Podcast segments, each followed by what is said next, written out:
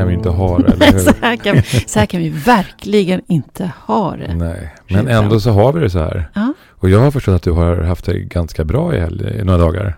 Ja, jag har varit på Ekskäret och eh, suttit runt lägereld på kvällarna och haft filosofiska samtal. Sen har jag jobbat som Oj, oj, oj. attan på dagen och Ja. så har jag sprungit iväg mellan mötena och bastat och badat och sen upp och jobbat och sen till lägerelden. Så där har jag haft det. Nej men det låter ju jättejobbigt. Vill du prata ut om det? det har faktiskt varit jättehärligt. Ja, Framförallt lägerelden. ja. Vad har det varit för frågor som ni har pratat om då? Vad, Mm, I natt, nej natt, i, igår kväll så pratade vi om eh, våra individuella transformationer. oj. Och vad, vad tänker vi på då? Alltså Ja, hur vi har utvecklats helt Mm, enkelt. vi började med att prata om världen och, och tekniska språng och, Mm. och så. Sen i- pratade vi lite mer om evolutionen och, och, och stora förändringar i, i eh, ja, den här, det här lilla klotet Tellus. Förändringarna som har Ja. skett över tid. Men sen gick vi in på oss som individer. Mm. Att är det så att man går igenom en transformation om man tänker på Ruben 20 år och Ruben 50 år. Eller Mm. är det ungefär samma skrot och korn? Klart man har lärt sig lite grejer. Mm, Men det är ändå mm. precis samma kille. Eller Ulrika, samma Mm. tjej. Mm. Eller är det så faktiskt att det, är, har skett en transformation av något slag? Man är ganska annorlunda mot den där Mm. Mm. 20-åringen. Är det en fråga eller är det ett konstaterande? Att det, Det var en är, fråga. Alla var inte alltså, överens. Vi nej, hade väldigt olika uppfattningar. Jag är ju faktiskt ingen kille längre. Jag är ju faktiskt gubbe. Eller en eh, Får man inte heta kille när man har fyllt 50? Jo, det kan man ju få. Men det finns någonting lite larvigt över det kan jag tycka ibland. Inte, man, man måste inte kalla sig själv för gubbe. Men det finns ju också någonting det här med, ja men vi killar och så är det ett gäng på 65 år. Det kan ju för sig vara kul. Jag menar inget Eh, seriöst egentligen. Men, men jag, det, det, det, en skillnad är ju faktiskt att den 20-åriga Ruben var ju en ung man, en ung kille. Mm. Eh, och åldern har ju, spelar ju faktiskt in. Eh, inte minst på grund av att, vilka erfarenheter vi har. Fast jag måste då säga att jag, jag har ett badhus precis där jag bor. Polisen har ett badhus. Ja, Och när jag går dit och badar så, så är det jag och sen så är det ett jättegäng med kvinnor 90 plus. ja Som sitter i bastun och som älskar att basta med Ja. dem. Och de kallar ju varandra för flickor. Ja. Mm. Nej, men eh, det kan säkert återkomma när man har fyllt 90. Eh, det, det känns lite rimligt faktiskt. Eh, Och man kan, ja, det var inte alls meningen egentligen att, att låta snäv när det gäller det där. Men det, det finns ju någonting också med alltså hur vi har, vad, kallar det, transform, transformerat oss. Mm. Hur vi har förvandlats, hur vi har utvecklats. Eh, och eh, eh, där kan jag känna att jag är ingen kille längre på det Mm. sättet liksom, som jag var Mm. när jag var 20 år. Det, för mig betyder det någonting att vara kille. Det, det är något- någonting annat än att vara en medelålders man. Och jag välkomnar det. Mm. Så, så att eh, på det sättet känner jag att eh, jag har utvecklats. Sen finns det, tycker jag, eh, också någonting eh, i mig som fortfarande är 20 år. Mm. Det finns eh, en ung del av mig. Mm. Eh, jag kan uppleva fortfarande att jag är väldigt nyfiken. Mm. Eh, jag är nyfiken på livet, jag är sugen på att upptäcka saker. Liksom. Och det Mm. hade jag då. Eh, nu har jag ett, ett större lugn än vad jag hade då. Mm. Eh, därför att jag är äldre. Men hur känner du om du säger så här, jag har ju fortfarande min 20-åriga Ruben i mig. Ja. Men känner du att du går i takt med att din kropp förändras, att du är faktiskt 50 plus Mm. och vad det betyder i andras ögon, i samhällets ögon. Känner du att du i, inne i dig, att du är i takt med, med hela Ja, dig? jag, ska, jag ska säga så här att, att eh, jag tycker att jag är det nu. Mm. Eh, jag tyckte länge att jag inte passade i min ålder. Mm. Eh, och när jag tänker på min barndom så var jag väldigt brådmogen. Mm. Och eh, lite hårdraget så har jag bara blivit barnsligare ju äldre jag blivit. Mm. Eh, på ett sätt. Eh, och det har faktiskt med mognad att göra. Mm. Med riktig mognad att göra. Och att, att egentligen att det handlar om att, att jag välkomnar livet. Mm. Att jag håller inte på med att överleva. Jag håller inte på med olika strategier. Som jag behövde för att eh, fixa biffen när jag var litet barn. Eh, men sen dess så kan jag känna att jag, jag lever. Och Mm. eh, det har tagit sin beskärda tid liksom. Att komma, eh, att växa in i det, i det hem eller det, den kropp och det, det boendet som är Ruben 55 år. Eh, så att det, det eh, så att jag kan känna att nu börjar jag känna att jag är i fas. Mm. Ja. Mm. Men sen, kan, sen finns det fortfarande en rolig grej som jag tycker ibland att jag, brukar, jag är väldigt, här, jag brukar, när jag tittar på människor så brukar jag titta på ögon. Men jag tittar också på händer. Eh, och helheten såklart. Och jag tycker att mina, mina händer har inte speglat riktigt vem jag är på det sättet. Även fast jag har varit väldigt nöjd med mina händer. Mhm. Men först nu med åren så tycker jag att mina händer har hamnat där de ska vara. Vad eh, spännande. Just händerna. Ja, men jag tycker att jag kan se det även på andra människor. Att det finns något, någonting ibland, något... Ser du erfarenhet, årsringar ja, i händerna? Ja, just det. Eller en slags känslighet eh, på olika sätt. Mm. Hur hur mogna i mina händer skulle du säga? eh. du blir så, ja, spåtanten Ruben tittar här nu på. Nej, men du, du har, eh, jag tycker att du har fina händer och mogna händer. Det är mogna händer. Ja, det tycker jag. Det, det finns någonting där vi går över eh, i någonting annat liksom. Eh, När de blir lite krokiga eller? Nej, det har inte med eller det vad, att göra. vad har det att göra med? Men du har ju väldigt fina händer. Du, Ja, har, men vad betyder man det? ja, Alltså hur, hur syns mitt... Att jag är så här mogen som jag är. Hur syns... jag känner att jag, liksom, det, här, det här det är ytterligare ett ämne liksom, egentligen. Det här med händer och hur mycket vi ska gå in på det. Men, men, eh, Mm, Eh, ja, men men med, med kroppen Mm. liksom har ju Mm. sina olika... Och sen, sen finns ju vissa saker som, ja, som har med åldern att göra. Mm. Man, jag går upp i vikt mycket lättare. Mm, Eh, ja, mm, det, det, det är inte hela världen tycker jag. mm, det är lite tråkigt tycker jag. Ja, men jag rör på mig mycket också. Så att, Mm. eh, och det gör du Mm. också. Ja. Ja, det- jo, det gör jag. Men jag Ja. går ändå upp i vikt på ett, an, på ett annat sätt än vad jag gjorde som ung. Helt Ja, annat ja, sätt. gud. Det, det går inte att jämföra liksom, den biten. Men det, Fast för mig är, nog, är nog den inre transformationen som är den absolut viktigaste. Eh, Ja, självklart. Men jag tycker ändå att det är intressant det där med att gå i takt. Jag pratar ofta om det med mina vänner. Att många känner att de inte är i takt. När de tittar sig i spegeln. Så, men det där är ju inte jag. Jag är Nej, fortfarande det. 25. ja, liksom. Mm. Att de känner att det finns ett skav. Det finns ett gap mellan, mellan kroppens resa Ja, och den inre resan. just det. Och det är spännande. Ja, det är väldigt spännande.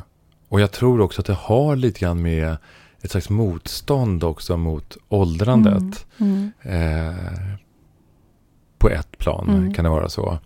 Eh, Själv kan jag tycka det är rätt skönt också Mm. med att åldras. ja, Jag tycker kraven känns lättare. ja, Livet känns lättare på något sätt. ja.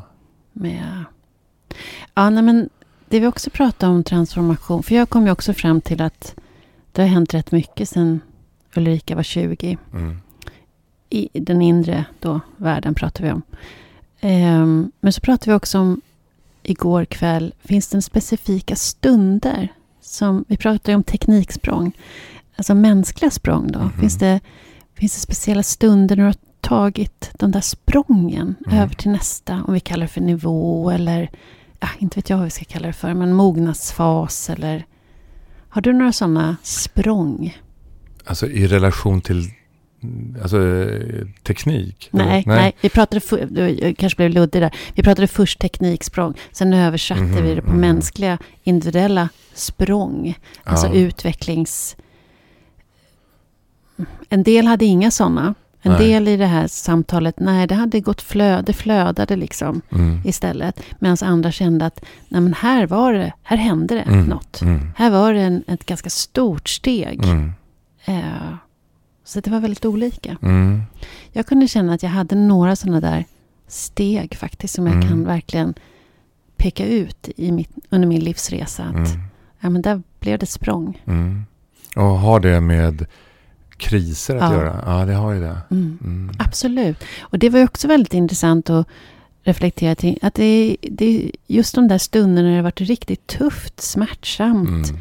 När man varit tvungen att stanna upp och reflektera, välja väg, Mm. prioritera. Mm. Kanske lyfta, i mitt fall då, kanske lyfta fram mig själv i Mm. mitt liv.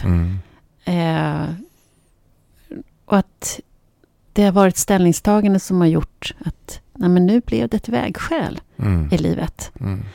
Eh, Medan andra inte hade det på det sättet, utan vi har Mm. mer en successiv eh, resa. Mm. Mm. Mm, jag, jag känner igen mig egentligen på något sätt i, i båda. Mm. Eh, jag tänker allt eh, förut, tidigare i mitt liv så tror jag att om man då ska använda ordet språng Mm. eh, kom i samband eller efter eh, kriser i livet. Eh, där är de som tydligast. Mm. Eh, men det som vi pratade om lite grann för en eller två gånger sedan. Mm. Det här eh, en känsla av att, eh, att jag har fastnat eh, på Mm. en gren och Mm. floden, livsfloden flyter förbi. Liksom. Mm. Jag bara ligger på samma och plaskar i samma vatten. Mm. Eh, det har jag ju insett att det är också ett, en, ett förberedande för ett språng. Skulle jag säga. Att eh, jag blir inte alls lika stressad idag över, över att det händer ingenting. Eh, ja, herregud, det, allting, är, går sin, allting har sin gilla gång på något sätt. Liksom. Eh, och oftast är det så när, när jag har konstaterat det så händer det någonting. Mm. Och skillnaden mellan mot när jag var 20-årig kille och 55-årig man, det är ju att, att det behöver inte vara fyrverkerier liksom, för att Mm. jag ska kunna känna att det här blev faktiskt ett, ett steg. Utan jag känner att ja, det här var ett steg eh, åt ett håll, en utveckling. Men jag kan också känna att, att jag kan njuta av stunder av, vad ska vi kalla det, förnöjsamhet Mm. eller det, det är rätt stilla. Mm. Och, och att det finns en väldigt härlig glädje i, Mm. i vardagen i att, att tänk vad bra det blev. Mm. Att, att, att vila i det Mm. i stunder. Mm. Det kunde jag nog inte när Nej. jag var ung. Utan jag var mer på väg. Ja, just det. Ja. Har det med tacksamhet att göra? Känner du dig Ja, tacksam? jag känner mig otroligt tacksam. Ja, vad fint. Det gör jag verkligen. Jag, jag tänker väldigt ofta på det. Mm. Och, och blir innerligt glad verkligen över fasiken vad mycket fint jag har. Ja. Och vad, vad mycket jag har att glädjas över. Ja. Är, är det någonting som du alltid har haft tacksamhet eller är det någonting som du har lärt dig längs med vägen? Jag tror, jag tror alltid, jag fick ju barn väldigt tidigt när jag var 24. Jag tror alltid jag kunnat känna den enorma tacksamheten över mina Mm, barn. mm, Det tror jag alltid har funnits där. Från, från första minuten. Eh, Att jag har kunnat hitta en tacksamhetskänsla. Men tacksamhet över mig själv, över vem jag är, över de val jag har gjort. Nej, det Mm. har jag nog inte alltid kunnat känna. Mm. Eller bara att jag får finnas till. Mm. Det kan jag känna mig jättelycklig för. Mm. Och nu kommer vi in liksom på existentiella frågor. Mm. Eh, kanske till och med andliga Mm. frågor. Liksom. Det, det, jag tycker det är otroligt intressant. Mm. Eller det är en del av, eh, av hela min eh, eh, livs eh, eh, nyfikenhet. Handlar ju om att utforska just det här som vi pratar om. Och jag hade faktiskt ett eh, väldigt, väldigt kärt och fint möte igår med, Mm. med ehm, min bästis. Mm. Ehm, och, eh, och vi pratade just om tacksamhet. Mm. Och eh, hur, på, vilket sätt, på vilket sätt vi är tacksamma inför där, var, var vi är någonstans just nu. Mm. Och då tänkte jag så här, fan vi borde bjuda in honom till Mm. vår podd. Din bästis. Min bästis. Det är är ju klart. lite, ja, men jag, innan jag nämner hans namn Ja. så ska jag fråga honom först. Ja, ja, ja. ja. Nej, men han går under rubriken. Bästis. Rubens bästis. Ja. Men du, Osökt. Mm. Vi ska ju faktiskt eh, ha en gäst här idag också. Mm, det ska vi ha.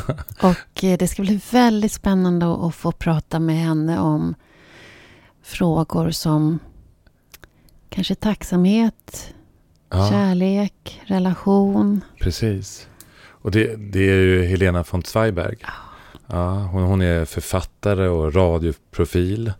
Inte minst... Hon, eh, hon hade en, en radioprogramserie som jag älskade. Jag har lyssnat på varenda avsnitt Ja. minst fem gånger. ah, Vet du vad det är? eh, är det Godmorgon, Sverige? Godmorgon världen? Oförnuft och känsla. ah, just det. Mm. Den är superfin. Mm. Och, och, och Spanarna Ja, är hon också med. Och sen hade hon, eh, kanske, hon är också, hon vann ju På spåret. Ja 2014. Ja, Mm. det är, Det är stort. Det, det är mycket stort, det är mycket stort. Men sen har hon ju eh, skrivit 25-30 böcker. Ja. Eh, och hennes senaste utgivna bok heter Mitt liv som dront. Och den rekommenderar jag verkligen.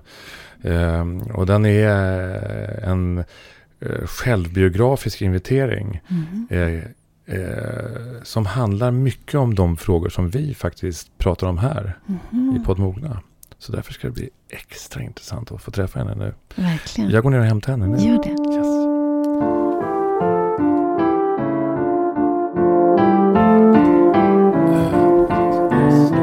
Ja, nu är vi på gång. Eh, Helena, är du redo? Mm. Du är det? Mm. Säkert? Mm. Ja, men då kör vi. Välkommen Helena von Zweiberg. Tack. Ja. Det, är ett, det är ett flott namn. Tycker du? Ja. Jag har inte alltid tyckt att det är ett ganska jobbigt namn att ha. Varför? För att det, det känns som att lite emellanåt i alla fall gå omkring med en sån här konstig mössa på huvudet. Att det är så här konstigt namn. Okej. Jag tycker i och för sig att jag gillar att det börjar med Z, W, för det är två så liksom Ja. aparta bokstäver. Så att jag kan tycka att det är okej så här i text. Men det, det låter ganska trist när man säger det från Sveiberg. Det är så här, Jag tycker det är jättevackert. Sveiberg säger Ja. Sveiberg. Inte Zwei. Nej, Sveiberg. Ja, jag vet Sveiberg. inte varför. Men Ja. så, så har vi alltid sagt det. Ja. Och det, det är svensk adel? Nej, Nej. det är det inte. Det sägs att den första var en hovstallmästare från Prag som kom för att slåss på drottning Kristinas sida Ja. i 30-åriga kriget. Som stupade i slaget vid Wolfenbüttel någon gång på 1600-talet. Ja. Eh, hans änka fick då flera barn och de bosatte sig någonstans borta i Ryssland någonstans. Men sen har det liksom spridit sig österifrån. Så, Ja. och så in i Sverige och Finland. ja, Finland. Ja. Det finns ganska många, fler än man tror. Ja. Varje gång jag är ute och pratar någonstans så ser jag att det alltid kommer någon kryssande genom publiken. Och som är så här, ursäkta, ursäkta, jag måste fråga. Och då vet jag, nu kommer den där tandläkaren i Norrtälje eller någon liksom som, som jag förmodas vara släkt med. Men det är inte så ofta det händer. Hmm. Det- Får du göra släktträd och sådär på plats? Nej, jag, nej. Nej, nej du hoppar det. Ja, jag hoppar det. ja. Är det så att du har mognat något den senaste tiden? Eh, ja, jag tycker liksom att säga att man har mognat, det är ungefär som att säga att man har humor. Säger man det så har man det inte. Det är jättejobbigt att säga att man har mognat. För det Är? kän, ja, jag tycker att det känns sådär lite töntigt. Men jag, jag, jag, det har hänt saker med mig på senare tid, det har det. det. Absolut, de senaste åren så har det hänt väldigt mycket med mig. Och det är inte mognad då, utan Jo, det kan man säkert säga att det är. För att jag mår bättre och då förutsätter jag ändå att liksom mognad går hand i hand med att må bättre. Men föredrar du ordet vuxenutveckling?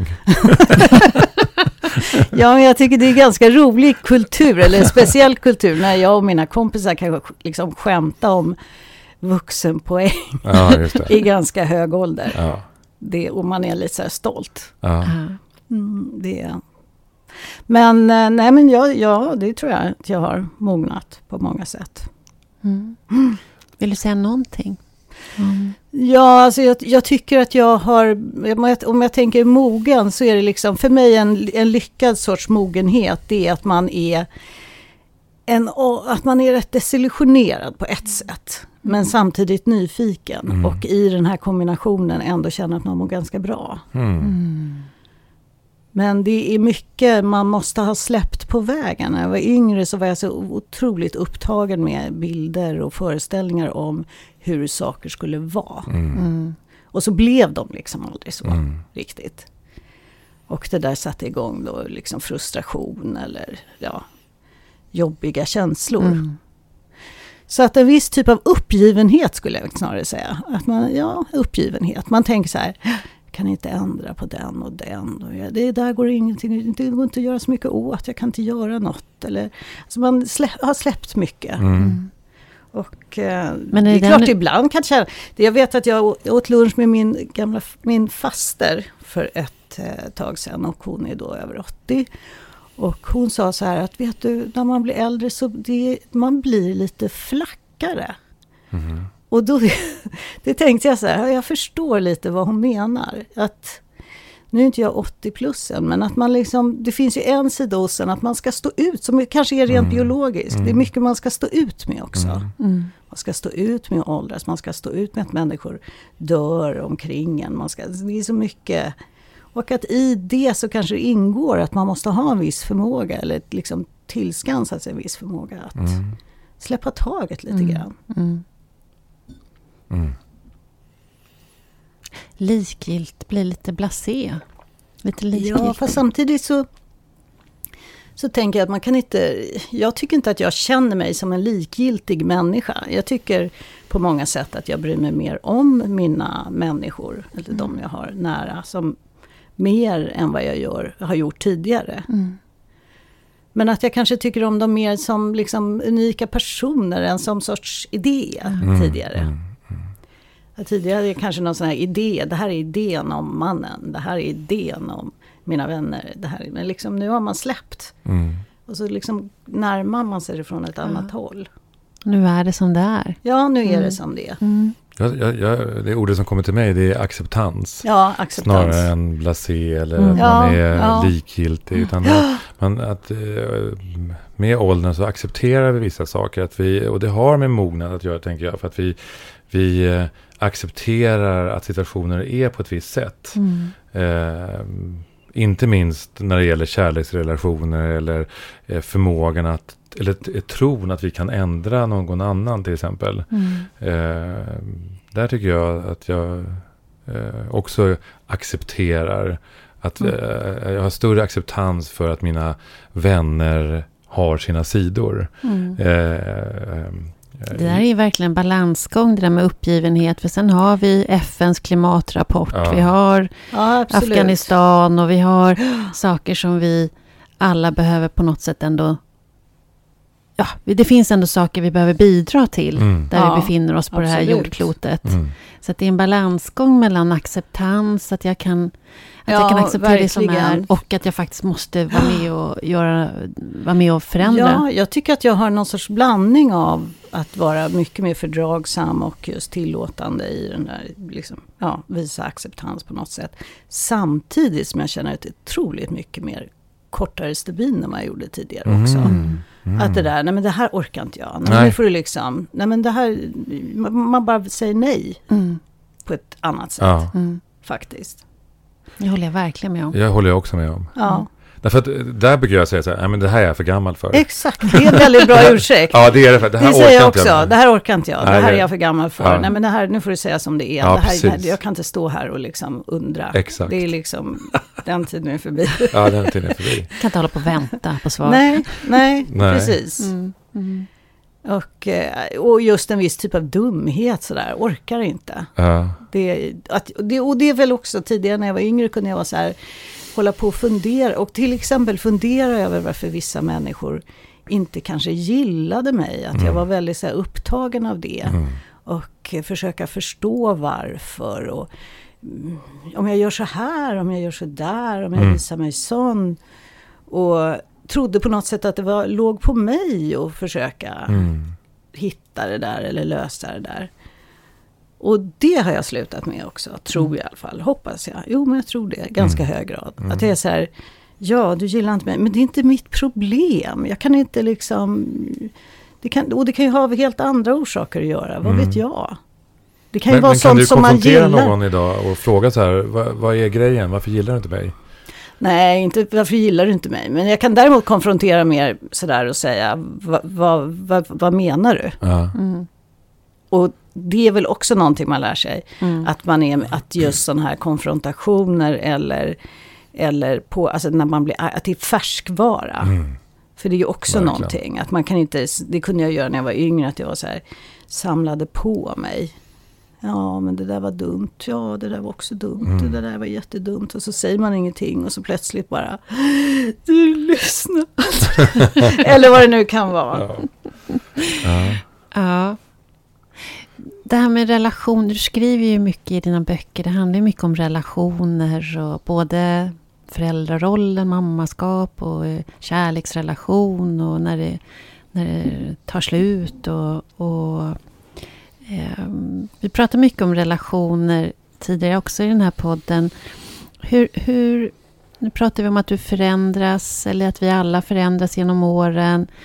Hur präglad skulle du säga att du är eller har varit av din ursprungsfamilj sen när du gick vidare och skaffade egen familj? Och... Jag tror att det är ju det, människor är ju så konstigt konstruerade på något sätt. Det här att man är så oerhört präglad tror jag av sitt Mm. ursprung. Mm. Och det är ju, det är ju inte, det finns liksom ingen mening med det mer än att man ska överleva som art. Det finns ju ingen, det är ju som man brukar säga, det finns ju ingen mening med människor att de ska vara lyckliga egentligen. Eller att man ska liksom kunna ändra sig. Utan det är bara, man ska programmeras under de där första åren på olika sätt. Och då, ja. Så att det, det sitter på många sätt eh, väldigt djupt tror jag i mig. Mm. Det ehm, men sen tar det ett helt liv att befria sig. Mm. Eller försöka Mm. befria sig. Eh, Tills men- man tittar sig själv i spegeln och säger, men shit vad jag är lik min pappa. Ja, Eller, Oj vad jag är exakt. lik min... Mm. Precis. Ja. Och jag kunde reta mig på sådana här saker som min mamma som hade en tendens att säga om jag skulle säga så här, "Ja, jag ska åka till New York nästa vecka. Hon skulle säga, då var jag nästan alltid hennes spontana reaktion, usch vad ska du där göra? Driven av någon typ av oro Ja, liksom. ja. Usch vad ska du där göra, usch. Och det märker när mina söner kommer till mig och jag säger, Åh, jag ska till Iran, vi ska bila runt. Jag bara, Va? Usch, vad ska du där göra? Det, det kommer liksom ja, det gör ju det. som en, eh, ja. Men jag tänker att skillnaden är, just när det gäller det här exemplet då, att, det är att, att, du, ehm, att du märker det. Mm. Eh, Ja, Att du, eh, och vi kan skoja om det. och då är det någonting som har skett faktiskt. Ja, då är det en transformation som Jag tror sker. också det, det är det. Och Ett vi- medvetande ja. som, som Och jag kan, förändras. säga, jag kan säga till dem spontant, usch vad ska det där göra? Och sen kan vi skratta åt det. Ja. Och så börjar man om liksom. det.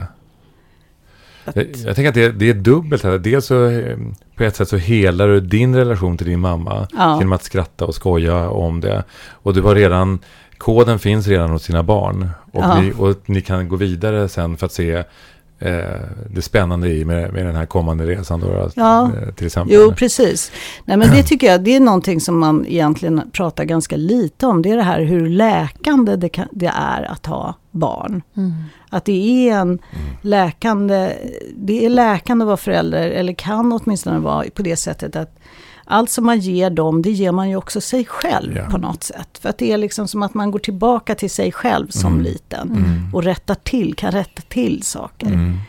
Så att därför kan man känna just, det, ja, det, är, det, är någon, det är verkligen en sån här liksom, sorts kärleks... eh, Cirkel. eller Mm. någonting. Mm. Att, eh, så att man kan liksom växa själv med det. Jag tänker att det är så när det är som bäst. Men det kan också bli en destruktiv cirkel. Absolut, och det kan ju också bli den här förhoppningen att det jag inte fick, det ska du göra, göra och så vidare. Att man liksom på ett dåligt sätt Mm. ska leva om sina liv. Mm. Mm. Men eh, verkligen att det kan vara otroligt läkande. Ja, Att få ge det man kanske Ja. hade saknat. ja eller precis. önskat. Eller. Mm. Personligen så tänker jag att det, det viktigaste i min relation till mina barn, eh, apropå mognad också. Jag har ju haft eh, ynnesten att ha två kullar också. Jag har ju eh, stora grabbar, vuxna killar. Ja, Eh, och eh, eh, 11 och 12-åringar eh, hemma. ja, Eh, och där kan jag också se att, att, att i min mognadsprocess från att, att vara pappa, det är också att jag, apropå det här med acceptans, att jag idag låter saker och ting vara betydligt mera. ja. Eh, Det betyder inte att det är ett bristande engagemang. Tvärtom skulle jag säga. Men jag, jag, jag eh, tänker inte lika mycket på att jag vill inte att de ska ha det som jag hade det. Nej. Utan jag låter saker och ting ske. Ja. Eh, och då blir det inte som jag hade det. Nej, just det. Nej, jag förstår. Ja, och Vad det är intressant, för då har, du har ju verkligen sånt jämförelsematerial. Ja, just det. Hur eh, olika, men på vilket sätt? Jämförelse, det är mina barn alltså. Ja, jag förstår. Kanske lät lite så här Ja, kliniskt. vi har ju en ungen här. Ja, nej men på vilket sätt tyckte du då när de var de äldre barnen att du, på vilket sätt försökte du eh, göra så att de inte skulle ha det som du hade det? Ja, men jag, jag ville skydda dem från vissa saker. Ja. Inte minst mot min ursprungsfamilj. Ja, Eh, eh, jag var orolig för att det som drabbade mig Mm. skulle slinka över på dem. Eh, och eh, nu finns ju för sig inte de i livet kvar längre. Så den oron är, är ju inte Nej, eh, aktuell nej. på det sättet. Men, men jag, jag tror ändå idag så eh, de hann ju träffa en del av min ursprungsfamilj, Mm. de här små småttingarna. Men där har ju också tiden gjort sitt. Mm, liksom. mm, de har också lugnat ner sig. mm. Inte minst en stroke som gjorde att en person blev mycket mer behändig och om man får säga så, men mycket mer trevlig liksom. Eh, eh, och Ja. jag, jag tycker att det är också livet. Mm. Så, här, det, så kan det också se ut. Och det finns också någonting, någonting helande i det. Mm. I det här att, det, att jag ser hur att det finns en slags rörelse i det här. Och apropå världen och, och FNs eh, klimatrapport. För där, när jag läste den sista gången, då kunde jag känna så här, "Nej, men nu slutar jag med sopsortering och jag, Mm. jag slänger batterierna i, Mälaren. Liksom. Eh, alltså det, spelar, det kändes som att jag, det spelar ingen Mm. roll. Men när det gäller eh, den här lilla molekylen som jag verkar i, eh, där är det ju fortfarande viktigt med sopsortering. Både den här resterna från, eh, från middagen, men också sopsorteringen i, i form av relationer. Mm. Eh, nej, jag håller inte på med någon revolution. Eh, det är inte, men i den lilla världen, apropå förändring och vår, Mm. vår ursprungsfamilj, Mm. så är det ju faktiskt en förändring som sker. Eh, genom att jag faktiskt sorterar eh, och accepterar. Ja, men, men jag tänker exakt. också att det handlar om att bygga någon slags framtidstro. För det är det som är min stora skräck just nu med de här larmrapporterna. Att våra ungdomar ska tappa lite tron på att det finns något att kämpa för. Att det finns en framtid där framme. det. Så att det där är ju också att bygga en tillit. En, att det är någonting som eh, vi bygger för. Mm. Genom Absolut. att göra det i sin lilla Nej, men molekyl. det, och där finns ju ett jättestort problem tycker jag. Jag tycker det var hemskt när barnen gick i skolan och man såg någon komma hem och se så extremt moloken ut. För då har de sett någon sån här film som slutar med att och därför det här ökar i en hemsk takt och, och så vidare. Mm. Liksom. Att, ehm, men, eh, men det är lätt att jag, alltså, jag tänker ofta på de unga i, idag. Mm. När, både när, när det gäller allt just med klimatet och så. Vad, Mm. Eh, att man måste... Eh, men jag tror att man hänger upp sig för mycket på det här med sopsorteringen. Mm. Ja, alltså, det, det blir ju ungefär som att... det blir en sån här... Eh, vad ska jag säga? Det blir en sån här ri- ritual. Mm. Att bara som, göra det är, här. som inte är att förakta i och för sig tycker jag. Verkligen inte. Ja, det är klart att man ska sopsortera. Men det är liksom precis som att man ska göra, gå ut med andra sopor där och andra. Alltså det är liksom på något sätt, det är bara självklart. Lämna sina kläder till Ja, men alltså- men- andrahands. Det var det, det, det var det jag för- försökte för, säga hur jag tänkte där. För att jag, jag tänker att den här ritualen av sopsorteringen, Mm. den, när jag läste den här rapporten så är det ju kört. Mm. Mm. Nu ska Alltså, vi inte säga så tycker jag. Nu sa jag det och jag står för det. eh, jag, men alltså, jag tänker så här att, eh, jösses, vad, vad, det här, min sopsortering spelar ingen roll därför att nu krä- krävs det ju globala beslut Mm. om vi ska Mm. kunna rädda det här. Mm. Eh, eh, och då pratar vi om mänskligheten, inte om jorden, tänker jag faktiskt. Mm. Det är vi som Vi är lite under. intresserade just mänskligheten Mm. tänker jag. Ja, precis. Ja. Det, det, Men, men jag tänker att, att eh, när, när jag återerövrade eh, gnistan igen, liksom, så känner jag nej, men det är ju viktigt det här med sopsortering. Mm. Eh, på det personliga planet, i mina Mm. emotioner, men också med skräpet. Därför att det handlar ju om, det handlar om en slags eh, etik, att upprätthålla en slags eh, livsgnista. Absolut, och, och, och sen tror jag också att det, barnen ser, Ja, alltså exakt. barn ser ju inte, de lyssnar ju inte, de ser vad man gör. Just det. Och att det finns en sån omsorg om eh, världen i Mm. stort. Det är absolut. Och, och, och vårt, vårt närområde och Ja. vår familj och vår lägenhet Ja. och vårt rum. Ja. Alltså det, det, det, det hänger ihop, det är helheten till, slut, till Men jag kan känna mer på ett sätt. Jag oroar mig också naturligtvis för klimatet. Och vet, men samtidigt tänker jag att det går ju. Det går ju faktiskt att rädda ganska mycket om, men, om viljan finns och Mm. omsorgen finns och känslan framåt finns och så vidare. Så det som kan oroa mig mer det är snarare liksom en typ av mentalitet Mm. som genomsyrar en liksom västerländsk kultur. Eller Mm. många kulturer runt Mm. om i världen. Att, Mm. en eh, nästan sådär arrog- liksom aggressiv arrogans mot allting som har med miljöfrågor att göra. Eller, Mm.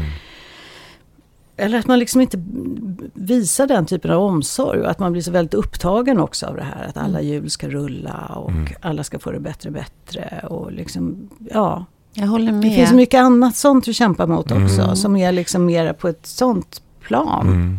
Och också vår, tycker jag, vår bristande förmåga att relatera till varandra. Till, Ja. till varandra i stort och till, till världen och till jorden, till naturen. Att, att vi tappar den förmågan Ja. lite grann. Eller vi tränas inte det i alla fall. Nej. Utan vi, vi är här och, och det är inte bra. Jag tänker på Nej. tillit. Eh, Du skriver ju mycket om relation. Hur jobbar du med att behålla din tillit till dig själv, till andra, till kärleken? Alltså till... jag tänker ju ofta, jag skrev en text om det för många, länge, länge, länge sedan. Men liksom att det här att tillit för mig är ju egentligen överlevnad. Mm. Det är det viktigaste som finns. Mm. Och det ser man ju också på nyfödda barn. Mm.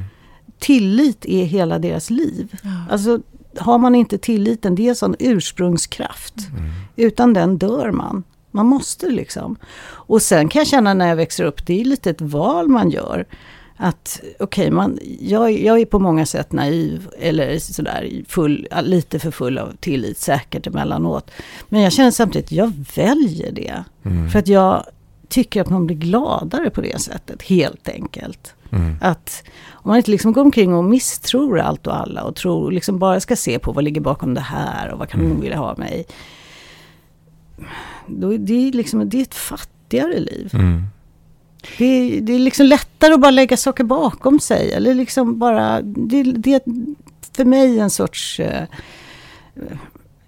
Det hör ju väl ihop med acceptans, eller vad jag vet inte. Mm. Men att jag, jag, jag litar alltid på, jag litar faktiskt nästan alltid på att folk vill väl på något Mm. sätt. Mm. Jag tänker att det måste vara en av de viktigaste skillsen att, att erövra. Ja, Jag, jag tänker som, som ledare till exempel, att, att kunna ha någon slags motståndskraft mot arrogans, Mm. mot eh, eh, bristande tillit, om vi kallar det för det, till andra eller till varandra. Alltså att kunna att ha motstånd, för, för jag menar, de, det är ju känslor som alla andra känslor Ja. som, kan, som kan gro i en. Men att kunna ha, ha motstånd mot det och istället välja tillit, det är ju en, det är verkligen Ja. en kompetens. Sen kan man ju säga att det kanske är liksom någonting man också har lärt sig, eller fått, man har fått en liten skjuts gratis mot i riktning tillit genom att man är uppväxt i det land som vi är. Mm. Mm. Att Sverige har ju haft en stat som har liksom på något sätt gett illusion om åtminstone att vi ska, man ska ha tillit. Mm. Att man ska liksom lita på att man blir omhändertagen, att man blir bra bemött och så vidare. Så det är ju klart att i andra länder och kulturer man inte har haft det. Mm. Och, utan man har istället varit liksom utelämnad åt andra typer av krafter. Det är mycket hårdare. Mm. Och alla, att, att liksom tillit är någonting man kanske inte har råd med. På det Mm. sättet. Mm. Men, men, jag, nej, men jag tänker mycket så. Jag, jag, jag väljer. Ja, Jag tänker så här, ja, men jag väljer det. Mm. Det här borde jag kanske ha räknat ut, men nu valde Mm. Mm. jag. valde jag. Men Jag betyder tror det att du på har gått på pumpen? eh, Ja, det kan jag ju göra ibland. ja. Att Ja, nej men att man tänker i vissa relationer att det här kunde du väl ha räknat ut eller det här borde du tr- förstått eller Ja, nej men så gjorde jag inte det. Men det, då var det så. Ja. Det, ja. det är ju ingen som säger att man hade varit gladare annars heller. Nej, jag, jag, Snarare vet, jag inte. Nej, jag vet inte, men det, alltså, jag, jag tänker att det, är- det, det är ett val du gör, men det är inte en, en egentligen en grundad känsla. Jo, det är det ju. Ja. Det är det ju. Eller är det anknytning vi pratar om egentligen? En positiv anknytning. Att Ja. du kan våga... Att du har lärt dig att kunna lita på andra eller, och dig själv. Knyta an till. Ja, fast liksom när du säger sådär så tänker jag att jag har nog alltid liksom, det har blivit mycket bättre. Men speciellt när jag var yngre varit väldigt sådär ängslig och bli övergiven. Eller Mm. liksom att jag inte haft den typen av eh, tillit riktigt. Mm. Så, det, där har jag inte varit. Men liksom nu, nu tror jag att jag tänker mer sådär generellt mer att, eh, ja. Betyder det att din upplevelse av kärlek och kärleksrelationer eller förväntan på kärlek också har förändrats genom ditt växande? Ja, det tycker jag att den har. Det känns mycket skönare och mer avspänt nu faktiskt. Det trodde man inte. Nej, det tror jag Mm. Och det har med åldern att göra. Ja, jag tycker det är mycket. Ja. Och det, jag tror också att det kan ha att göra lite med dels att, att man märker att de man träffar, de män som jag stött på, liksom man kan känna den här känslan av att men nu är vi här. Mm. Alltså, orka hålla på. ja, men lite så. Mm. Det är, det, är, det är någon sån här... Vi vet ju vad som väntar på något sätt. Mm. Det är, Vad menar du? Vad nej, är det men som vi, väntar? döden. Att man vet ju på något sätt, ju äldre man blir, desto mer närm och närmare det man kommer, döden man kommer, så är det ju liksom som att vem orkar hålla på och göra sig till? Mm. Vem orkar hålla på och Mm. med masker och grejer och Mm. liksom. Det känns ju bara som att det är bara att sluta. Mm. Mm. Men det är inte Det- så himla lätt. Bara sluta. Du är antagligen för ung. Nej. nej, nej, jag håller helt med dig. Jag, jag eh, träffade ju min sambo för några år sedan sent i livet. Jag är skild från mina barns pappa och sådär. Och det var bland det första jag gjorde, jag sagt tidigare, det var ju att ta med honom till en parterapeut. Och han Mm. tänkte, jag är inte, hon är inte klok, tänkte han. Eh, och det var ju bara för att det, jag tänkte, det här gör vi innan det uppstår några Mm. konflikter. Nu är man så här gammal, upp med det på bordet. Vi har massor, vi har en stor ryggsäck, varsin ryggsäck som ska upp på bordet här. Så det är lika bra. Jag orkar inte. Nej. Upp med alla miner och sår och sådär. Så att vi kan veta vad vi har att spela med. Mm. Det är det bästa jag gjort. Ja, det, är ju, det var ju förutseende och bra. Ja, nej, jag tänker mer sådär bara att äh, alla är liksom, men på något sätt utgå från att alla är lite konstiga eller liksom, jag vet inte. Mm. Ja. ja, det är vi ju. Ja, Det kan man ju lugnt säga. Hur, hur, hur ser du på åldrandet? Hur har, utan att fråga dig hur gammal du är. Utan, eh, hur, 62. 62. Där kom det i alla fall. eh, hur, hur, hur, hur ser du på åldrandet? Vad är det för dig? Eh, nej, jag minns när jag fyllde 60 att jag, eh, då hade jag verkligen en ålderskris. Som slog mig liksom mycket hårdare än jag trodde. Jag kommer ihåg just, just när jag fyllde 60 och dagarna där runt omkring att jag verkligen satt och grät. Mm. För att jag tyckte det var så fruktansvärt Mm. att bli äldre. Eller bli så pass gammal, jag kunde liksom inte fatta det. Mm. Men sen är det ofta, alltså jag tycker så här åldrande går i skov på något sätt. Och efter ett ganska kort tag så känner jag, ah, ja, ja, nu, ja vad ska jag göra? Nej men nu är jag 60. Det är ju liksom... Alternativ, alternativet är ju mycket sämre. Ja, precis. Och eh, jag, jag kan inte, ty- jag tycker att jag har det bra liksom. Jag, Mm. jag, Men vad låg men det, sen, sen kan jag tycka, jo men jag kan tycka, jag, fortfarande kan jag tycka så här, varje gång jag fyller år nu så kan jag känna, åh hjälp. Mm. vad, alltså, vad, vad, det är inte, jag vill inte att det ska ta slut. Jag vill att det ska vara så här. Mm. Jag vill inte... Ja, min mamma ligger på ett äldreboende nu. Eller ligger hon, ja för det mesta ligger hon, hon är 92. Och Mm. Jag sitter bredvid henne och jag tittar på de där händerna och liksom tänker, ja, snart, snart är det jag som ligger här. Ja, det är ungefär 30 år, tänkte jag. Det är rätt lång tid. Ja, jag Ja. vet. Jag vet. Det är inte vad man brukar kalla för snart. Nej, nej, nej. Men jag, jag, Men men jag- lite, jag, är liksom, jag har ett dramatiskt sinnelag emellan. Men det är ju det här att, att tiden, eh, alltså döden kan ju faktiskt infinna sig Ja, eh, nu, eh, när Ja, som helst. Liksom. Men eh, om man ser det liksom tidsmässigt då, så är det så e- även där att tiden är ju mindre framåt än den är bakåt för oss. Ja, jag, jag håller helt flesta. med. Så det finns ju en aspekt där liksom som är... Eh, men det, det, jag, jag tänker att, att konsten för oss är väl att inte vara där innan det sker. Absolut, verkligen. Utan Så vara just det här, Ja. som, det här lite slitna Ja. uttrycket. Att försöka vara så mycket som möjligt Ja, här. ja, Eh, och acceptera det här som vi pratade om i början. ja. Eh, som är livets gilla gång. Och faktiskt tycka att det är rätt fint.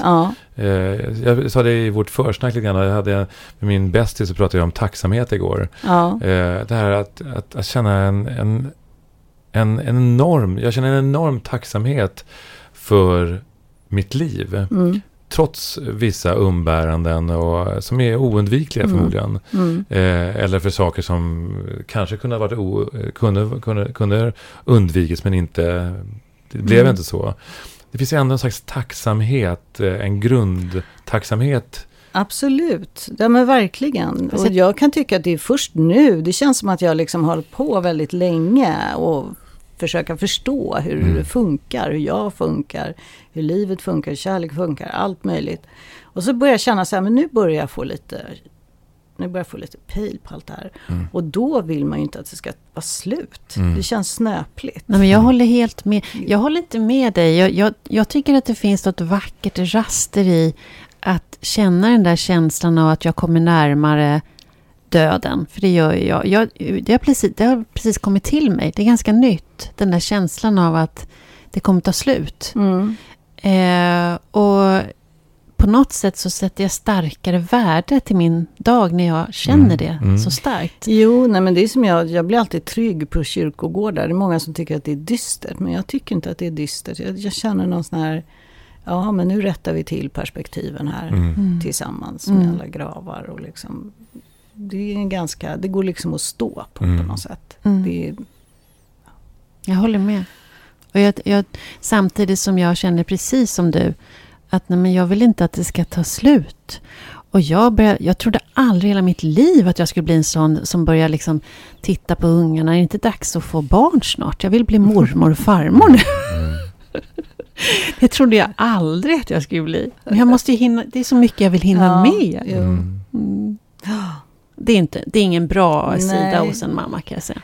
Nej, men samtidigt Ja. tänker jag också att det är, ju, det, det är ju tydligt hur ålder går liksom baklänges på något sätt. Att jag kan uppleva att i den här åldern som jag befinner mig nu så präglas ju den, och det tycker jag stämmer även när jag tittar på mina kompisar, av en sorts tonårskänsla. Mhm. Man är fri igen. Mhm. Man gör vad man vill. Mm. Och det är liksom, det är väldigt mycket, väldigt uppsluppet och Mm. liksom dant. Jag Ja.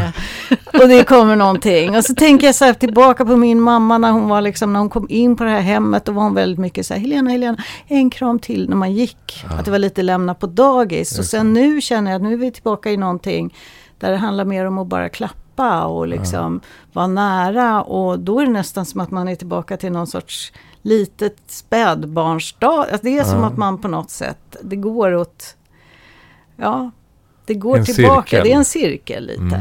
Mm. Jag vet inte hur långt man ska dra det egentligen. Men li, det finns lite den där känslan av att... Och just det här man kan ha känslan av att ja, döden finns mer närvarande. Men det är också något annat som liksom spritter i en. Det Mm. är ju någonting med det här. Det här är ju en fantastisk sorts frihet. För att den är så utan plan. Ja. Alltså när man var yngre så var det så här, det var så mycket man skulle avverka på Mm. vägen. Man Mm. skulle, man skulle liksom utbilda sig och det skulle hittas någon att bo, vara med och det skulle hittas någonstans att bo. Det var så mycket, det fanns så många skyltar på vägen Mm. eller liksom pekade i en speciell riktning. Och nu känner jag, det finns ingen som pekar någonstans. Mm. Det är bara, ja, Mm. gör vad du vill det, det, där har jag funderat mycket på, för precis så är det i min umgängeskrets nu. Att det, man, man börjar prata om guldåren. Ungarna har flyttat hemifrån, de har blivit, kan börja försörja sig själva. Man, många utav, i min umgängeskrets är skilda. Eh, men jag upplever att det är främst kvinnorna som beskriver det på det där sättet. Att det mm. pirrar och att det är en ny tid och att det är, nu kan man välja precis vad som helst. Mm. Det är någonting som jag har funderat över. Jag hör inte alls samma sak från mina killkompisar. Nej, det kanske stämmer. Jag, jag, ja.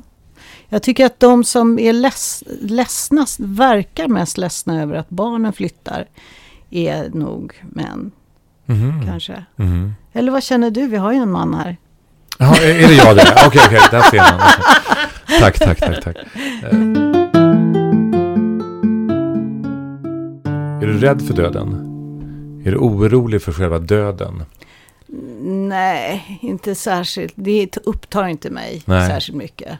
Utan det är, jag, jag du vill inte förlora livet? Det, nej, nej, precis. Absolut. Det är verkligen mer så. Ja. Och det är ju olika, en del kan ju liksom klamra sig fast när man är väldigt gammal, att man är mer rädd för att dö än att lust att leva. Men för mig är det verkligen så där att jag känner mer, nej absolut inte mm. så. Men skulle du kunna komma fram till en punkt i livet där du känner, eh, nej men nu räcker det? Nu... Det vet jag inte, det är mycket möjligt. Jag hoppas ju det, det låter ja. ju mera eh, harmoniskt. Ja. Verkligen, när man känner att Nej, men nu är jag färdig. Ja. Det är väl det man önskar. Ja, att man får vara med om Just att det. uppleva. Men dessvärre börjar jag känna att det är nog rätt romant, eller liksom ja. så här, någonting man klamrar sig fast vid. Kanske. Att, ja, jag vet inte, men det, behöver man ju, det får man ju göra då. Man får ju ta alla förmildrande omständigheter. Ja, det får man ju göra. Och livet kan ju vara rätt hårt också mot Exakt. ålderns höst. Liksom. Ja, ja, ja, absolut. Fast, fast, jag vet inte om ni har de erfarenheter. Jag har ju följt några människor till döden. Mm. mm. Eh, sida vid sida. Jag har sett både och. Ja. Både när det har mm. varit i protest mm. och, och mycket ångest. Mm. Och när det har varit bara med kärlek och värme. Och man bara, ja, men jag är färdig. Och det har varit, och det är ju bland det mest fantastiska jag har varit med om nästan. Att få följa med på en sån. Så det, det, kan nog se väldigt... Ja, och det absolut. går nog inte att veta Nej. hur det blir. Du, jag tänker, du, du pratar ju nu om att du har hamnat i, du är din sprittiga ålder. det var lite dipp där vid 60 och sen sprittar det nu. Nu är allt, inga vägskyltar. Nej. Du, så som jag uppfattar i alla fall, så är du väldigt produktiv. Du har ju producerat otroligt mycket i ditt arbetsliv. Och varierat. Ja. ja, det där säger människor till mig ibland och jag har så svårt att se det. Jag tycker bara, mm. jag gör ju mitt jobb. Mm. Det, ja, ja. Det, ja, jag, det är min uppfattning att titta på det, allt du har åstadkommit. Så hur, hur stor del har, har arbetet varit i ditt liv? Eh, det har alltid betytt väldigt mycket. Eh, och drivkraften, det är, det är svårt att veta egentligen vad den är. Men det här att skriva till exempel och skriva böcker, det, mm. det är väldigt, väldigt viktigt för mig. Jag, jag, tänker att tänker ibland, vad skulle, hur skulle det vara om jag inte gjorde det? Mm. Och det är svårt att... Det är liksom som att jag... Det är som ett sorts samtal som jag då skulle känna mig utesluten ur. Eller jag vet inte. Det är något... Ändå tycker jag faktiskt att det är mindre och mindre roligt att skriva. Mm. Så jag, jag, tycker ofta nu att åh vad jobbigt det här är. Åh, vad, alltså, det är så svårt att skriva helt mm. plötsligt. Det, det, tror jag, det tror jag också var att när jag var yngre så var jag det var så mycket så här, jag var så upprörd ofta. Eller liksom, det var så mycket som jag skulle, jag var så... Måste berätta och måste förklara, mm. måste mm. liksom. Och eh, den känslan finns väl kvar lite grann. Men inte, liksom, inte med samma intensitet ändå. Mm. Vad gör det med dig? Ja, jag tycker att den här tiden under pandemin så har jag inte, jag är ju väldigt van vid att åka runt och prata. Jag åker runt mm, verkligen mm. i Sverige och på bibliotek och på olika ställen och pratar och liksom håller någon sorts föreläsningar, vad ska jag säga. Och jag är ju van vid de här resorna. Och sen när de ställdes in, och när jag gjorde dem så klagade jag också väldigt ofta. Så här, åh gud, Alvesta imorgon. Jag orkar inte så. Mm. Men nu märker jag att när de inte eh, blir, blivit av, att jag har haft större problem plötsligt med den här författarrollen. Mm. Att jag tycker att jag eh, tappat liksom lite självkänsla i den. Eller det är någonting som har hänt. Är det bristen på mötet Jag med tror dina det. läsare? Mm, jag tror det faktiskt. Mm. Att eh, det är som att man ändå får en skjuts av att möta människor som säger, som liksom bekräftar ändå Mm. att de, någonting har gått fram. Och att det blir ett vakuum efter det. Du har inte gjort som så många andra som har gått ut i sociala kanaler istället och mött jag, sina... jag blir alltid så här, uff. Jag har svårt för det. Jag Mm. tycker det är lite jobbigt på något sätt. Mm. Det är så mycket, det är också det där att den typen av samtal som jag har, de är ju ganska... Eh, de ska ju vara lite exklusiva. Det är ju inte jättestor publik, utan det är ju någonting som händer där och då i rummet och det är det som... De passar inte att liksom filma eller göra någonting så mer av. Mm. Jag tänker, eh, jag bara får upp i mitt huvud. Lisa Nilsson, sångerskan, har ju, har ju skapat en, en, en karaktär Mm. på eh, Instagram. Hon kallar Mm. sig för frugan. Sin, ja, just det, precis. Sånt där. Så det har verkligen blivit det här rollspelet och relationsspelet. Ja. Det hade ju varit som gjort annars, tänker jag med. Ja, jag vet. Jag borde... jag tänker ibland att jag är dålig på det där. Jag är ju liksom ingen bra på att hålla på. Eh, göra den typ, hålla den typen av... Jag tror att jag är så... tr- Jag, jag, jag kan bli så trött på telefonen också. Mm. Det är, jag vet att jag skulle säkert upptas av det där. Så skulle jag sitta och titta oavbrutet. Har någon Mm. gillat det här? Eller har Mm. någon kommenterat? Eller... Nej, jag... Men när du då inte... Du säger att ditt arbete har varit så viktigt för dig och skrivandet och skriva Mm, böcker har mm. varit så viktigt. Och så händer pandemin. Du möter inte längre dina läsare. Det börjar bli jobbigt att skriva.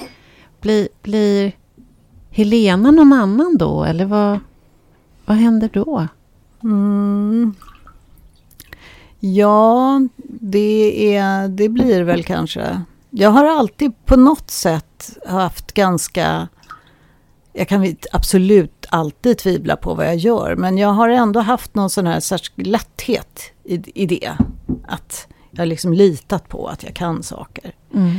och kan göra saker. Och, eh, så det har ju nog varit lite nytt att jag plötsligt har börjat tvivla på det. Men samtidigt ibland så känner jag så här, det kanske är en sorts, dels lite mognadsprocess det här att man, saker och ting blir mera, mindre uppblåsta. Mm. Och att det är svårare att leva i en förställning, eller liksom uppblåsthet än vad det var tidigare. Det kan nog vara det ena och vad var det andra? Nu glömde jag bort det. Mm. Men att du har upplevt en någon, levt i någon uppblåsthet? Nej men uppblåsthet, men jag har liksom varit sådär, jag har liksom... Eh, jag tycker att ju äldre jag blir, desto svårare är det att spela Mm. Mm. roller. Mm. Och det är ju både bra och dåligt. Mm. Det kan ju vara skönt i vissa sammanhang naturligtvis och säkert bra för ens omgivning att veta vem de pratar med. Men, men eh, jag kan tycka att i vissa situationer, speciellt när det gäller arbete, så är det mer problematiskt. För att då, jag kan, jag kan uppleva leva till exempel att jag kan bli mer nervös. Mm. Att om jag ska till exempel vara med i en direktsändning Mm. Så blir jag mer nervös än vad jag kunde vara tidigare. För att jag känner att jag, uh, jag, jag kan inte liksom bara, nej men nu ska du bara gå in och spela. Det var inte ens Mm. sånt som jag sa till mig själv Nej, jag tidigare, förstår. utan jag, det bara, bara kom Gick in i automatiskt. en professionell roll. Exakt. Och nu känner jag sig, jag har inte den rollen på samma sätt. Mm. Jag kan inte bara gå in och göra någon, jag bara sitter där och är jag. Mm. Och det blir jätte... Men har det med, med pandemin att göra eller har det med åldrandet att göra? Jag tror att det har med åldrandet ja, att göra. Det, precis. Absolut. Nej, det har inte med pandemin att göra. Det, det, Men det är jättespännande. Vad är det som gör att, att den här professionella rollen försvinner och att det, du blir du, du blir privata du. Oavsett vilken stol du än sitter i. Liksom. ja. Att du går in... Ja, det är som att liksom, skillnaden mellan mitt privata jag och mitt Mm. professionella jag har blivit mindre och mindre. Mm. Mm. Jag tänker att det finns någonting också i, i det här som är väldigt vackert tycker jag. Därför att Ja. det, det här det, eh, som egentligen var starten på hur vi pratade om acceptans och Ja, eh, att acceptera tillvaron och hur vi, hur vi transformeras längs med, med vägen.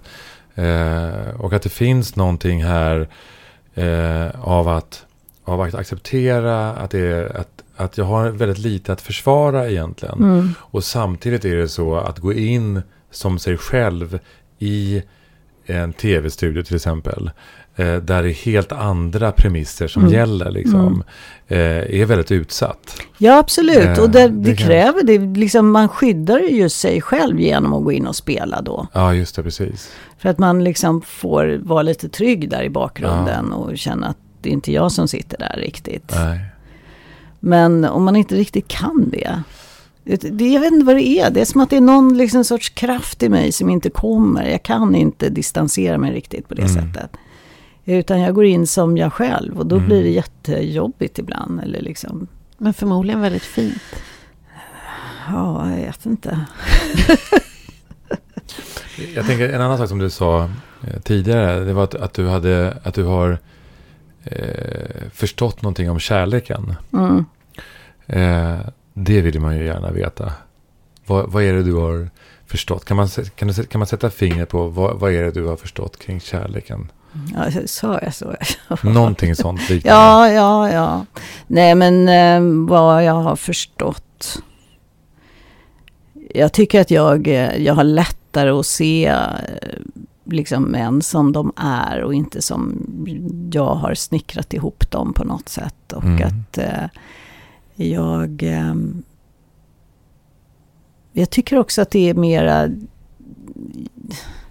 Jag har mera lättare att se att det ska vara till för någonting som bara är roligt. Att projektet är ju liksom någon typ av lust på alla sätt och vis. Mm, och det kanske också du- har en, en sorts lyx man kan unna sig när man blir äldre. just det. Du pratar om förhållanden. Ja, det. ja precis. Ja. Eller liksom bara möten. Ja. Att, att, ehm, Men det måste jag ändå fråga. När, när de här männen du pratar om, som inte jag känner att det blir så här, nej men, det, Nej, men jag måste- jag vill inte Det- prata om någon speciell eller så, utan Nej, jag bara jag- jag- sveper lite så. Nej, Ja. Vi pratar inte om någon speciell, vi pratar om kollektivet, Mm. männen. Men när, de, men när de inte är utifrån din konstruerade modell, Mm, eh, utan de är vad de är. mm. Är, det, är känslan då att kyssa grodan och så blir det en prins? Eller är det tvärtom?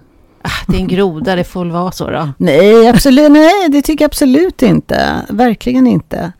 Eh, Tvärtom faktiskt. Att det är liksom... Jag tycker också att det finns något vackert med acceptans. Jag tycker Mm. också att det finns något vackert i människor som inte gör sig till. Mm. Liksom, det finns någonting... eh, Ja, som är ömsint i det. Mm. Och att det låter ju också som det här med att du inte är, går in i någon den här professionella rollen, utan du är Exakt. mer privat. Mm.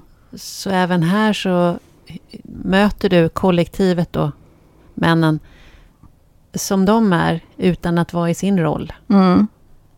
Ja, Oavsett om du sätter och placerar dem i en roll, eller om Ja. de själva gör det. ja. Att, ja men, det här är den här människan. Precis. Jo, nej exakt. Nej, men det är, att jag skrev en av, anled- en av flera anledningar till att jag skrev den här drontboken. Det var ju att jag, eh, ett sånt där startskott lite, att jag var åt lunch med en eh, 70 plus kompis, en man. Och han, han pratade om det här, "Åh, jag blivit äldre och jobbigt och hur gick det så här fort och allt sånt där som man säger. Och sen sa han plötsligt, fast det finns en sak som är väldigt vacker med min ålder. Och det är att jag märker att jag och mina vänner pratar, liksom visar varandra mycket mer ömhet och kärlek än vad vi någonsin har gjort tidigare.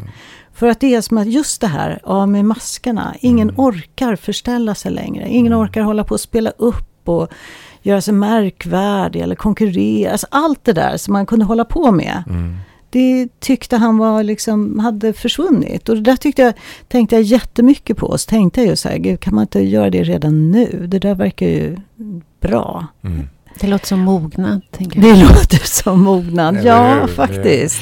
Men, men hur, vad tror du, hur skulle man kunna, vad, vad behövs för att bidra, om vi tar på samhällsnivå, för att människor ska få den där 70 plus-känslan, fast mycket tidigare? Att man möter varandra med kärlek, sluta konkurrera, relatera. Ja. Vad tror du? Det, jag tror att det är bara någon typ av eh, förställnings... Alltså att sluta med så mycket förställningar på olika sätt. Och Mm. det kanske är svårt. Det finns ju också någonting rent biologiskt i det där möjligen. Att, eh, att man eh, positionerar sig, att vi är hierarkiska och att det liksom hör till.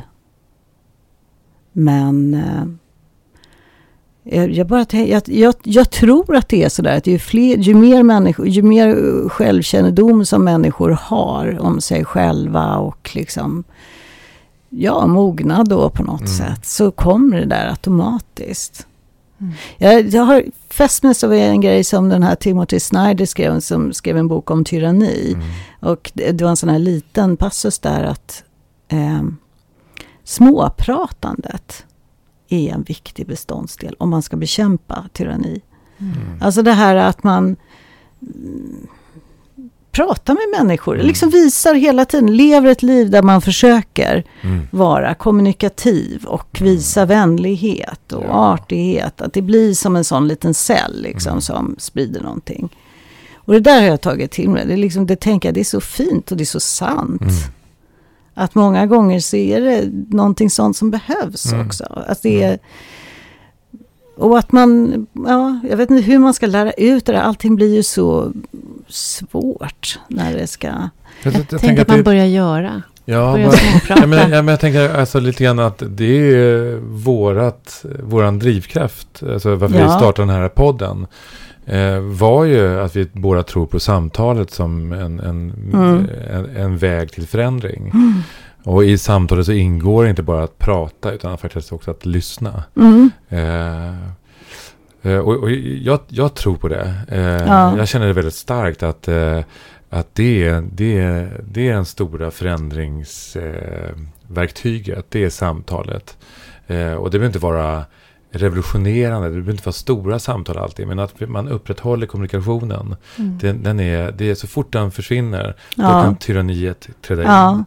Men jag tänker också på, du, du sa att, eh, att vi kanske är hierarkiskt eh, skapade så här. Ja. Tänker du att vi är det biologiskt eller att, att det är kulturellt betingat? Eh, jag, tror att, jag tror att vi är det på ett sätt rent biologiskt. Att det är Som djur? som djur, Ja, exakt. mm. Att vi är, ju, vi är ju sociala varelser. Mm, Vi är ju jättesociala mm, varelser.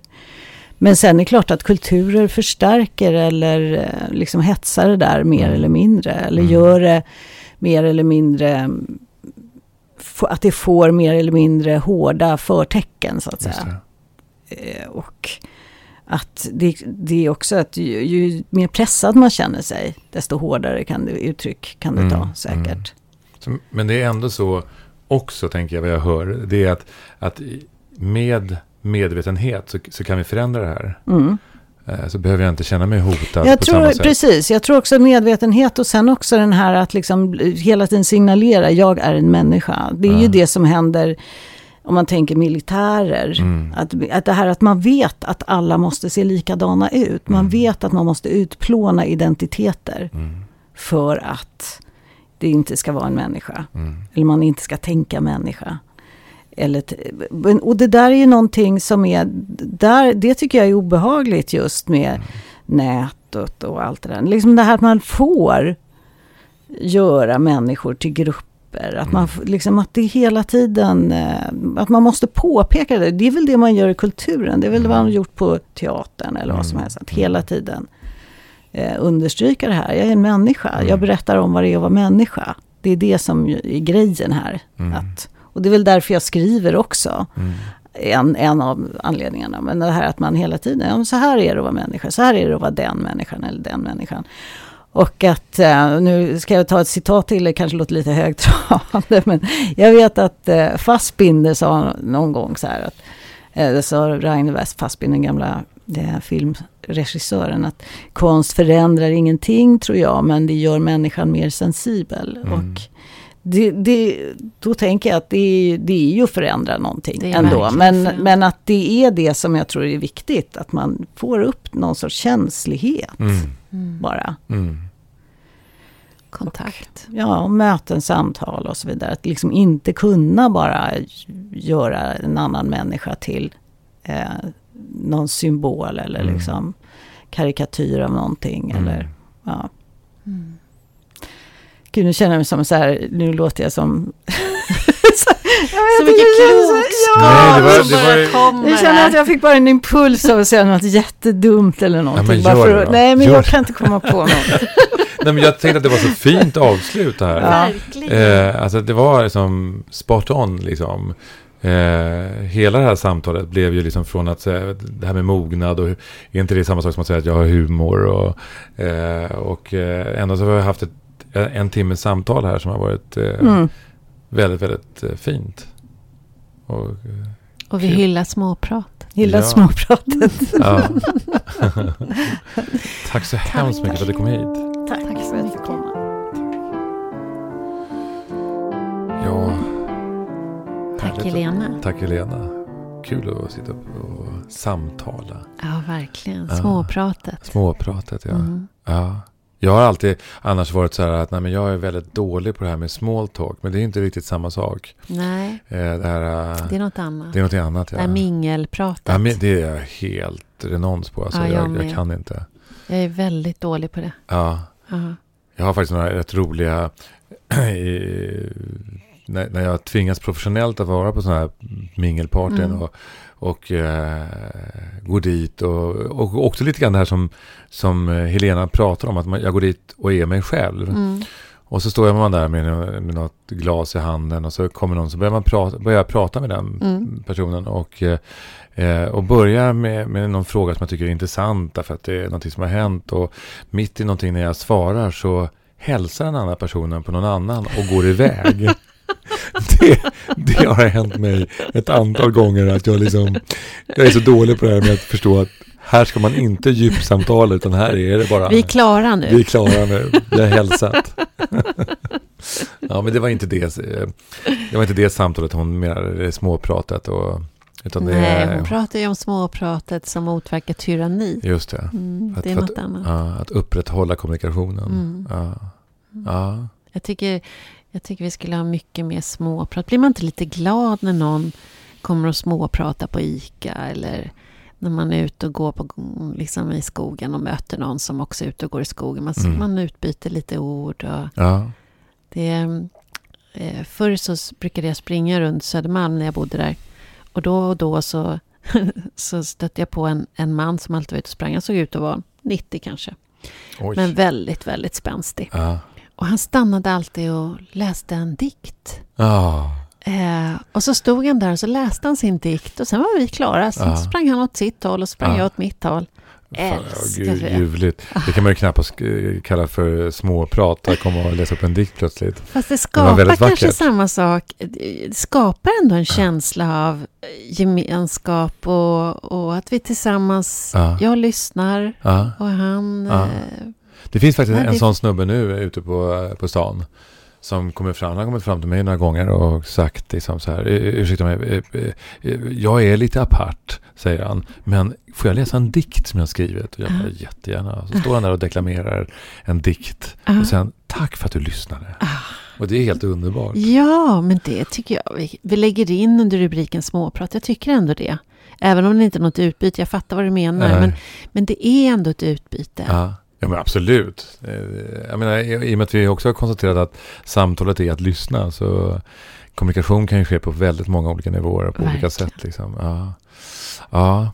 Men det, jag tänker också att ett sånt här samtal det ger många tankar kring hur vi skulle kunna utveckla vårat, våran podd också. Mm. Med, med, med, med flera frågor, med andra sorters frågor, med, Mm. med fördjupningar. Mm. Eh, Var det något speciellt du tänkte på? Nej, men jag tänker också att, att ibland att vi eh, kanske ska försöka stanna kvar i vissa frågor som jag, Mm. som jag, som jag tycker är extra intressanta. Men kärleken till exempel. Man kunde ha grävt djupare Mm. eh, kring kärleken. Eh, Mm. Att kärleken är så... Det, så, det, det finns ju en, såklart, alla, all kärlek är ju relationell. Men det finns ju många olika sorters kärlek. Verkligen. Eh, eh, Vilken, exempel. kär, vilken kärlek tycker du är mest spännande att, att titta på och utforska? Ja, men, alltså rent verbalt. Ja, eh, jag, jag, jag tänker så här, eh, man måste, då, måste man ju, då måste jag verkligen utveckla vad jag menar med kärlek. Men jag tänker att eh, egentligen så, och det har med det här samtalet att göra också, som vi pratar om också. Att jag tänker den, den alldagliga kärleken, Mm. den varje dag-kärleken. I, till dina barn eller till din Till min- kärlek, alltså din partner? Håll i dig eller nu, håll i dig. Till dig Till mina medmänniskor. Oh shit, Ja. är du med? Nej, jag, är tänk- med! ut- Till det stora hela, till alltet. Nej, jag, jag, nej, tvär, nej det, det är inte så flummigt. jag, tänker, jag tänker liksom, hur kan vi vara kärleksfulla i vår vardag? På Mm. tunnelbanan, på ICA, Mm. eller Konsum, eller, Mm.